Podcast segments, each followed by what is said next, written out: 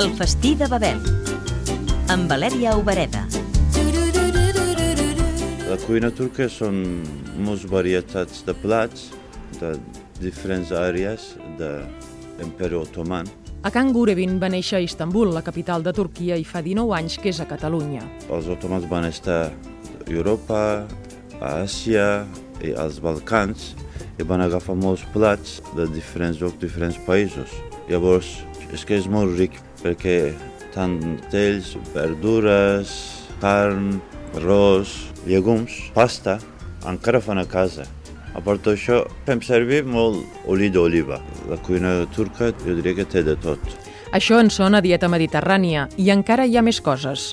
Iogurt és un element principal. Sempre fem salsa amb iogurt, iogurt amb all i sal només. Cada dia mengem iogurt.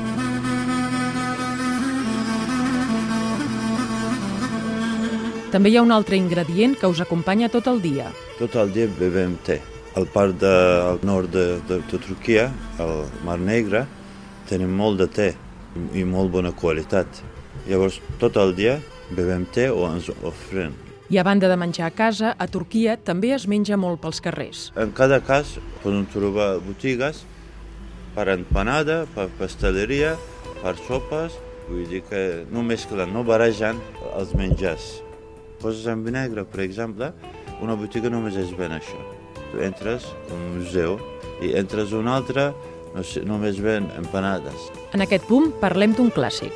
Primer hem d'aclarir què és kebab. Kebab que és qualsevol menjar, qualsevol cosa feta a la brasa, significa kebab.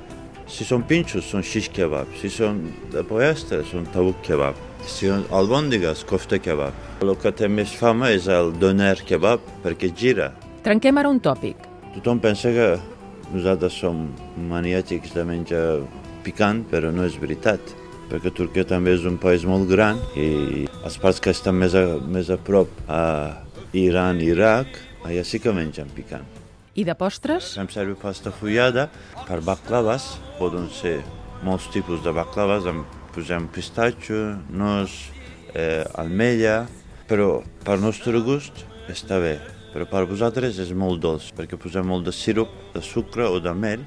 Bon profit, Akan. Afiyet olsun. Nosaltres sempre agraïm la persona que ha cuinat. Nosaltres diem eline sağlık, vol dir que tinguis salut en els teus mans.